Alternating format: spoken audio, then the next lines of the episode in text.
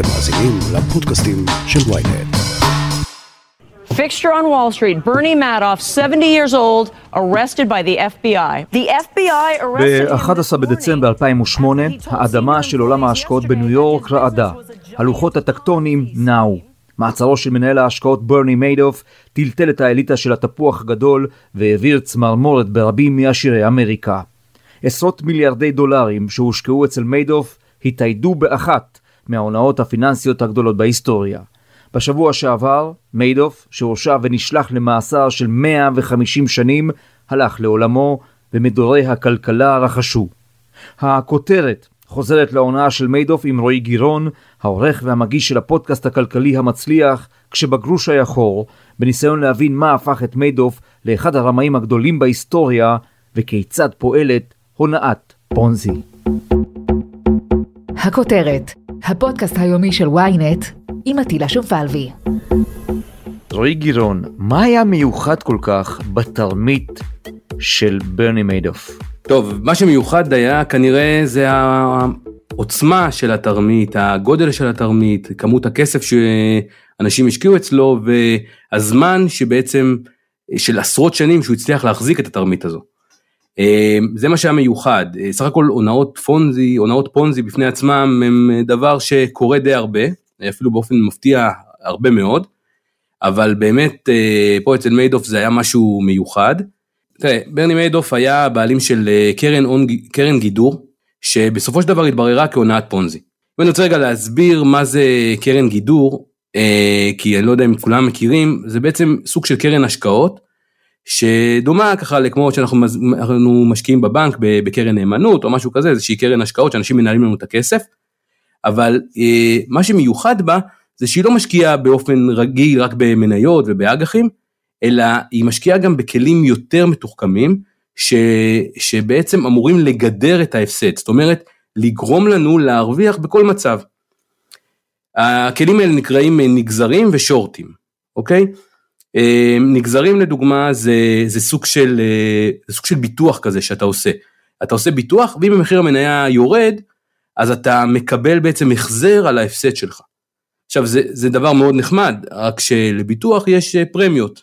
נכון? אנחנו, אם אני עכשיו אני יש לי, יש לי בית ואני קונה לו ביטוח, ובמשך שנים אני משלם את הביטוח ושום דבר לא קורה לבית, אז אחלה שלא קרה שום דבר לבית, מצד שני אני כל השנים האלה שילמתי כסף לחברת הביטוח ולא קיבלתי שום דבר בחזרה. יש מחיר אז, לכל דבר. בדיוק, נכון, אז, אז בעצם לשקט הנפשי שאתה מקבל מהעובדה שאין לך אפשרות להפסיד בגדול כי אתה מגדר את ההשקעה שלך, יש מחיר והמחיר הזה זה פרמיה כלשהי. אז זה כלי אחד שקרנות גידור משתמשות בו. והכלי השני זה שורטים, שורטים זה אפילו עוד יותר מסוכן, זה בעצם שאנחנו מוכרים מניות כשהמניות הן לא שלנו באמת. והסיבה שעושים את זה בגלל שמאמינים שהמחיר של המניה הולך לרדת יותר, ובעתיד אני אוכל לקנות אותה במחיר זול, להחזיר למי שהלוויתי ממנו את המניה, ולעשות את ההפרש בעצם, ההפרש נהיה, הופך להיות בעצם הרווח שלי. בעצם ליומרה להשיג רווח בכל מצב שוק אה, זה קצת דבר בעייתי כי, כי, כי זה לא באמת אפשרי לחלוטין וכשקרן אה, גידור באה ואומרת אני עושה את, את זה ואת זה ואני הולכת להרוויח בכל מצב אז כנראה זה בא על חשבון משהו או שזה או שאתה נכנס לסיכונים גדולים במיוחד או, שה, או שהתשואה הכוללת תהיה נמוכה יותר, אבל באמת תהיה פחות מסוכנת. You know, in today's regulatory environment, it's virtually impossible to, to violate rules. ברני מיידוף הלך על הקו הזה. בדיוק, ברני מיידוף הבטיח שהוא בעלים של קרן גידור, ואחת המוצלחות, הקרן שלו מרוויחה במשך שנים, עשרות שנים, אה, בלי הפסקה. למעשה, אה, אם מסתכלים על הסטטיסטיקה, אז מדובר בערך על 24 אה, חודשים של רווחים על כל חודש של הפסדים, ובשנים הוא לא הפסיד אף פעם, לא הייתה לו אף פעם שנה הפסדית. איך זה יכול להיות דבר כזה? אז זהו, בדיוק. עכשיו זה החלק השני של הסיפור. אז ברני מיידוף היה בעלים של קרן גידור, אבל התבררה בסופו של דבר כהונאת פונזי. אז הונאת פונזי, זה בעצם הונאה כזו שאני לוקח מאנשים כסף, מבטיח להם איזושהי תשואה, וכשמגיע היום לשלם, אני מחזיר להם את הכסף שלהם, בתוספת כסף של אנשים חדשים, אנשים חדשים שנכנסו. זה בעצם פירמידה. עכשיו, כל עוד נכנסים כל הזמן אנשים חדשים להונאה, אז גם אם יבואו, כל פעם שיבואו לבקש ממני כסף, יהיה לי לתת, כי אני נותן מהאנשים החדשים. אה, אז מיידוף הבטיח תשואה לא מאוד גבוהה, סביב ה... מעל 10 אחוזים לשנה, אבל באמת באופן מאוד קבוע, 10 אחוזים לשנה בכל שנה. ובאמת זאת הייתה עונה, הוא למעשה לא השקיע את הכסף, לא יודעים בדיוק מתי, אה, יש דיבורים על זה שהוא מעולם לא השקיע את הכסף, יש דיבור, הוא טוען שזה קרה באזור שנות ה-80, אה, אנחנו מדברים על קרן שהוקמה בשנות ה-60, אה, בסוף שנות ה-60, אז הוא אמר שבאזור שנות ה-80 הוא הפסיק להשקיע את, ה, את הכסף. זה לא כל כך, זה לא כל כך ברור מתי זה קרה, אבל מה שמעניין הוא שמה שכן קרה הוא שהוא פשוט הפסיק לה, לה, להשקיע את הכסף, הוא הבין שכנראה הוא לא מסוגל את התשואה שהוא מבטיח, והוא התחיל לתת לאנשים, אה, כשבאו לאנשים שהרוויחו ובאו לבקש את הרווחים שלהם, מכסף של אנשים חדשים. ובעצם ככה הגדיל כל הזמן את כמות האנשים שמשקיעים אצלו, אה, וכל עוד העסק גדל, זאת אומרת כמות האנשים שנכנסו לתרמית, או כמות האנשים שלא ביקשו להוציא את הכסף, היה גדול מהרווחים שהוא הבטיח, אז הוא היה בסדר, ובאמת הוא הצליח במשך עשרות שנים להחזיק מעמד בצורה הזו. ומתי באה התקלה הגדולה? מה שבעצם הפיל אותו היה המשבר של 2008. ב-2008 התחיל אה, משבר, אה, משבר הסאב פריים, ומיידוף טען שהמניות של האנשים שמשקיעים אצלו לא נפגעו, הוא הצליח לצאת מהמשבר והוא עדיין רווחי.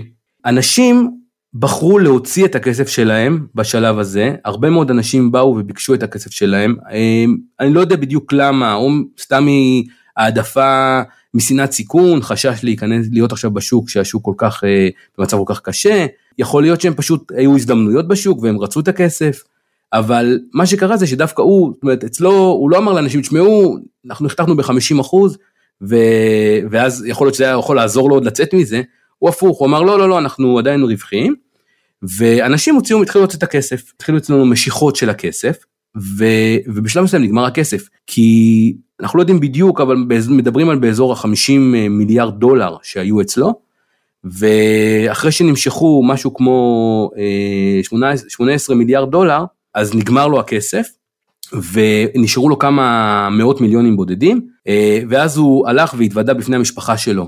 הם עבדו אצלו בעסק, אבל הם לא ידעו על התרמית הזו, אה, למען האמת הוא, הוא החביא את התרמית בצורה די מעניינת, הוא כל יום היה מסיים את היום, יושב עם אה, איזה איש אמונו ש, שהיה, שעבד איתו, והם היו מסתכלים איזה מניות עשו, עשו טוב באותו יום, הרוויחו הרבה באותו יום, וטענו שהם קנו את המניות האלו, והם טענו שהם הגנו עם ההגנות האלו, שבדיוק אה, הכניסו להם כסף וכל מיני, ובעצם בנו באופן פיקטיבי את, ה, את התיק שלהם, וכל הזמן החזיקו תיק, כל יום היה, כל יום יכולת לשאול אותם מה אתם מחזיקים, והם אומרים לך מה הם מחזיקים. רק שזה הכל היה פיקטיבי, הם לא באמת קנו את זה. הם פשוט דאגו, בסוף היום הם באו ובדקו מה הרוויח, מה הפסיד, ולפי זה הם החליטו אה, מה הם יגידו שהם מחזיקים. עכשיו, לאורך הדרך אגב, היו אנשים ש, שזה הפריע להם מאוד העניין הזה, היה נראה, נראה להם לא הגיוני כל הרווחים האלו, בן אדם שכל הזמן מרוויח, ואחד מהם באמת הלך ועשה מין מחקר כזה, ובדק בעצם אה, כמה כסף יש למיידוף, כמה הוא מנהל, וכמה, וכמה הוא טוען שהוא מחזיק מכל מיני, מיני מניות, ואז הוא גילה שפשוט לא יכול להיות שיש מספיק נפח של נגזרים כדי לתמוך בפעילות שלו. זאת אומרת, ה... הוא, הוא, הוא טוען שהוא מגן על תיק כזה וכזה בגודל כזה וכזה, ו, ואין מספיק נגזרים בשביל לתמוך בזה. שוק הנגזרים בסופו של דבר זה שוק שהוא לא מאוד גדול, זה קצת, אה, עוד פעם, זה ביטוח כזה, זה הימור, לא כולם, לא כל מי שקונה מניה קונה לביטוח. אז הוא באמת גילה את זה, הוא גילה שיש איזושהי, אה, שזה נראה לו טוב, והוא באמת פנה אה, אה, לרשות לניירות ערך האמריקאית והם לא עשו עם זה שום דבר אה, או שמיידוף אה, צריך לשכנע אותם שזה בסדר או כמה מפתיע שהם לא עשו כלום כן אז נכון נכון אגב יש סיפור מעניין שהם יכלו בשיחת טלפון אחת לגלות ש, שאין שום שהכסף לא נמצא בשום מקום שהוא לא באמת מחזיק את המניות האלו זה זאת אומרת הם יכלו מאוד בקלות לעלות על זה מאוד מאוד בקלות. וגם נתנו להם את, ה, את הנורות אזהרה, והם לא עשו כלום. וזה אחד הטענות אגב גם נגד הרשות לניירות ערך שלא לא גילו את זה. הוא התוודה בפני המשפחה שלו בעקבות המצב הזה שכולם, שפ... שכולם בעצם משכו ממנו את הכסף והמשפחה שלו למעשה הסגירו אותו כי הם הבינו שברגע שהם יודעים והם לא אומרים שום דבר הם מתחילים להיות שותפים, שותפים לעבירה. והם הסגירו אותו והוא, אה, ומאז הוא בכלא מ-2008 עד אה, שהוא נפטר לפני כמה ימים. בוא נדבר רגע על המילה הזאת פונזי. הרבה מאוד אנשים חושבים שהם יודעים מה זה, אבל אתה מומחה בסוגיה הזו. מאיפה זה בא? מי המציא את תרמיות הפונזי? מי המציא את הונאת הפונזי אני לא יודע. אני יודע על שם מי קרואה ההונאה, שזה מעניין כי, כי פונזי, צ'ארלס פונזי, הוא, הוא בעצמו עבד בבנק, שמנהל הבנק עשה הונאת פונזי על, ה, על האנשים שהפקידו את הכסף בבנק, הוא הבטיח להם תשואה מסוימת, והוא בדיעבד התברר שהוא פשוט מעל בכספים, הוא רק שילם להם מה, מהרווחים של האנשים החדשים שהצטרפו ו, ונעלם עם הכסף בסוף.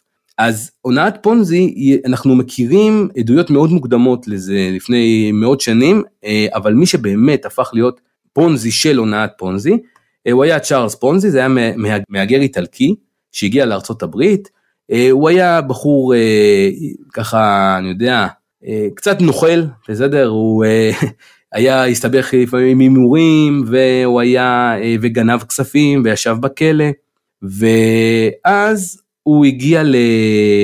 לאיזשהו מצב שהוא מזהה אה, איזושהי אפשרות לארביטראז', אוקיי? אה, הוא חשב שהוא מזהה איזשהו ארביטראז', באמת ארביטראז' אמיתי, והחליט לגייס כסף כדי אה, לנצל את הארביטראז' הזה. ארביטראז' זה בעצם רווח שאני יכול לעשות בלי סיכון. למכור ולקנות נכסים ובסופו של דבר לחזור למצב הבסיס שלי עם רווח. זה, זה, בעצם, ה, זה בעצם הארביטראז'. והוא גייס אנשים לארביטראז' הזה, ובדומה למיידוף מה שהוא עשה הוא למעשה מעולם לא עשה שום דבר עם הארביטראז' הוא לא קנה את הנכסים זה היה זה היה משהו בתחום של אה, דואר הונאת דואר שהוא רצה לעשות הוא לא עשה את זה הוא למעשה אה, פשוט לקח את הכסף שלהם הבטיח להם תשואה מטורפת של 50 אה, אחוזים בתוך חודש וחצי ואחרי חודש וחצי הוא פשוט נתן להם את הכסף ואז האנשים האלה סיפרו לחברים שלהם וכמובן החזירו לו מיד את הכסף וביקשו ממנו שישקיע לו עוד סיבוב ישקיעו ישקיעו איתו עוד סיבוב השקעה. וככה במשך כמה חודשים, אבל אצל פונזי בגלל התשואה העצומה הזאת של 50% בחודש, הוא תוך פחות משנה אה, הגיע לסכומים עצומים, כל העיר אה, השקיעה בו, אה, כל המדינה השקיעה בו, כולם השקיעו בו, בשלב מסוים נגמרים, נגמרים האנשים שמוכנים להשקיע, וגם שם היה איזשהו עיתונאי שבעצם ניסה להבין איך בדיוק הוא עושה את, ה, את הכסף הזה, איך הוא מצליח להגיע לכזאת תשואה, והוא ישב, פונזי הסביר לו על הארביטראז' ואז הוא, הוא הבין שלא יכול להיות שהוא מבצע את הארביטראז' הזה בכמויות כל כך גדולות של כסף. ואז הוא התחיל לחקור ולחקור ולחקור והוציא סדרת כתבות שבסופו של דבר הפילו אותו, ופונזי נכנס לכלא, בניגוד למיידוף אגב שקיבל 150 שנה בכלא, פונזי קיבל כמה שנים בודדות ויצא ואחר כך אה, גירשו אותו לאיטליה. ברני מיידוף אה, שיחק עם מיליארדים רבים ממש עשרות מיליארדים. יש עוד מישהו לאורך ההיסטוריה שהצליח to pull it off בצורה כזו? אני לא יודע אני לא יודע אבל אני יכול להגיד לך נתון ש... שיכול מאוד לעניין. Um, על כמה הונאות פונזי שמעת ב... בשנה בשנה האחרונה או בשנתיים האחרונות נגיד? לא הרבה. לא הרבה. יפה אז ב-2019 בארצות הברית אה, התגלו 60 הונאות פונזי שונות, והסך הכולל של ההונאות האלו היה של אה, 3 מיליארד דולר. אוקיי? 3 מיליארד דולר שנעלמו בהונאות האלה. עכשיו זה, זה מפתיע כי אנחנו לא שמענו על זה, זאת אומרת אנחנו לא שומעים על הדברים האלה, אנחנו לא יודעים, אבל אה, זה, זה מאוד מאוד נפוץ, זה מאוד נפוץ וזו הונאה מאוד מצליחה. אני חושב שגם יש פה הרבה אפקט אה, פסיכולוגי בהונאה הזו, שאתה רואה שכולם נכנסים וכולם מרוויחים, ואתה, אתה, ואתה, ואתה יושב בצד, אתה, זה מוזר לך, אבל אתה, אתה אומר, טוב, תשמע, כולם נכנסים, כולם זה, אני אנסה גם. ואז אתה, ואז מספרים לך שאתה מרוויח, ואתה, ואתה נכנס עם עוד כסף ועוד כסף, ואתה פשוט נכנס לתוך זה. וגם, בסופו של דבר, גם אצל פונזי וגם אצל מיידוף, הם, הם הסבירו לאנשים מאיפה הם משיגים את הכסף. זאת אומרת, זה לא שהם אה, אמרו לאנשים, אה, זה לא שהם, זה לא שהם אמרו לאנשים, סמוך עליי, אני, אני אשיג לך תשואה. הם הסבירו להם, אני עכשיו מקים קרן גידור ואני מגדר ככה וזה, ויש לו רשימת מניות, ו... זאת אומרת, אתה אומר, וואו, אוקיי, בסדר, אז הוא, זה, זה, זה אמיתי, אני, זה נראה אמיתי. ואז אתה נכנס, ואתה גם מכיר, בסופו של דבר גם אצל, במיוחד אצל מיידוף, אנשים, האנשים הכי עשירים בארצות הברית השקיעו אצלו. זאת אומרת, אנשים מאוד מאוד עשירים, ולכן אנשים ראו אנשים מאוד עשירים משקיעים אצלו, אז הם לא חשבו שהאנשים האלה מטומטמים, שהם נותנים לו מאות מיליונים של דולרים בלי בכלל להבין מה הוא עושה עם הכסף. הוא גם, הוא גם רימה בצורה יחסית חכמה, אבל הם גם, אף אחד לא באמת בדק את הבדיקה אחת מעבר, כדי לראות איפה באמת הוא משקיע, והאם באמת יש על שמו בכלל מניות, או על שם הקרן שלו, או איפה הקרן מושקע, איפה הכספים שנמצאים בנאמנות. אה, אף אחד לא עשה את האקסטרה מייל הזה, ובאמת אה, אנשים פשוט מאוד הוקסמו מהיכולת לקבל תשואה מאוד גבוהה, ובביטחון מלא. יש לך מושג או הסבר כמי שחקר את התופעה הזו, היסטורית, מדוע יחסית קל לבנות פירמידה כזו? בזמנים שונים בהיסטוריה, לאורך ההיסטוריה. כן, אני חושב ש... שזה הרבה מאוד uh, פסיכולוגיה פה. זה בסופו של דבר, במי אנחנו הכי מאמינים הרי? אנחנו מאמינים במישהו שאנחנו מכירים אישית. אז uh, אני עכשיו תופס, בעצם הרמה היא, הוא, הוא תופס כמה אנשים, ובהתחלה בסכומים די קטנים אה, מציע להם הצעה, הם מתפתים, הם משקיעים אה, כסף כנראה שהוא לא כסף גדול מבחינתם, ופתאום מקבלים חזרה את התשואה והם מאוד מאוד מופתעים, ואז הם הולכים ומספרים לחברים שלהם. עכשיו ברגע שאתה מקבל ממקור ראשון, ממישהו שהוא חבר שלך, שאתה מאמין בו, את הטיפ השקעה הזה, אתה הסיכוי שתיפול כבר יותר גדול. בעצם הרמאי כבר צריך להתאמץ פחות בלגייס את האנשים שהוא מנסה לגייס, הוא לא צריך לעבור אחד אחד ולשכנע אותם, אלא אנשים מגיעים אליו מתוך אה, חברים שלהם ש... שממליצים להם להיכנס. וכל עוד uh, העסק עובד, אז באמת אנשים ממליצים לאנשים, וזה הופך לפירמידה ש, שגדלה וגדלה וגדלה וגדלה. וכל עוד זה גדל זה בסדר. אה, פשוט ברגע שזה, ברגע שיש איזשהו, איזשהו סדק באמון, או, או איזושהי בעיה, אז הכל, הכל נופל בעצם. ריק גירון, עורך ומגיש, כשבגרוש היה חור. תודה רבה שהארת את עינינו. תודה רבה, תודה רבה.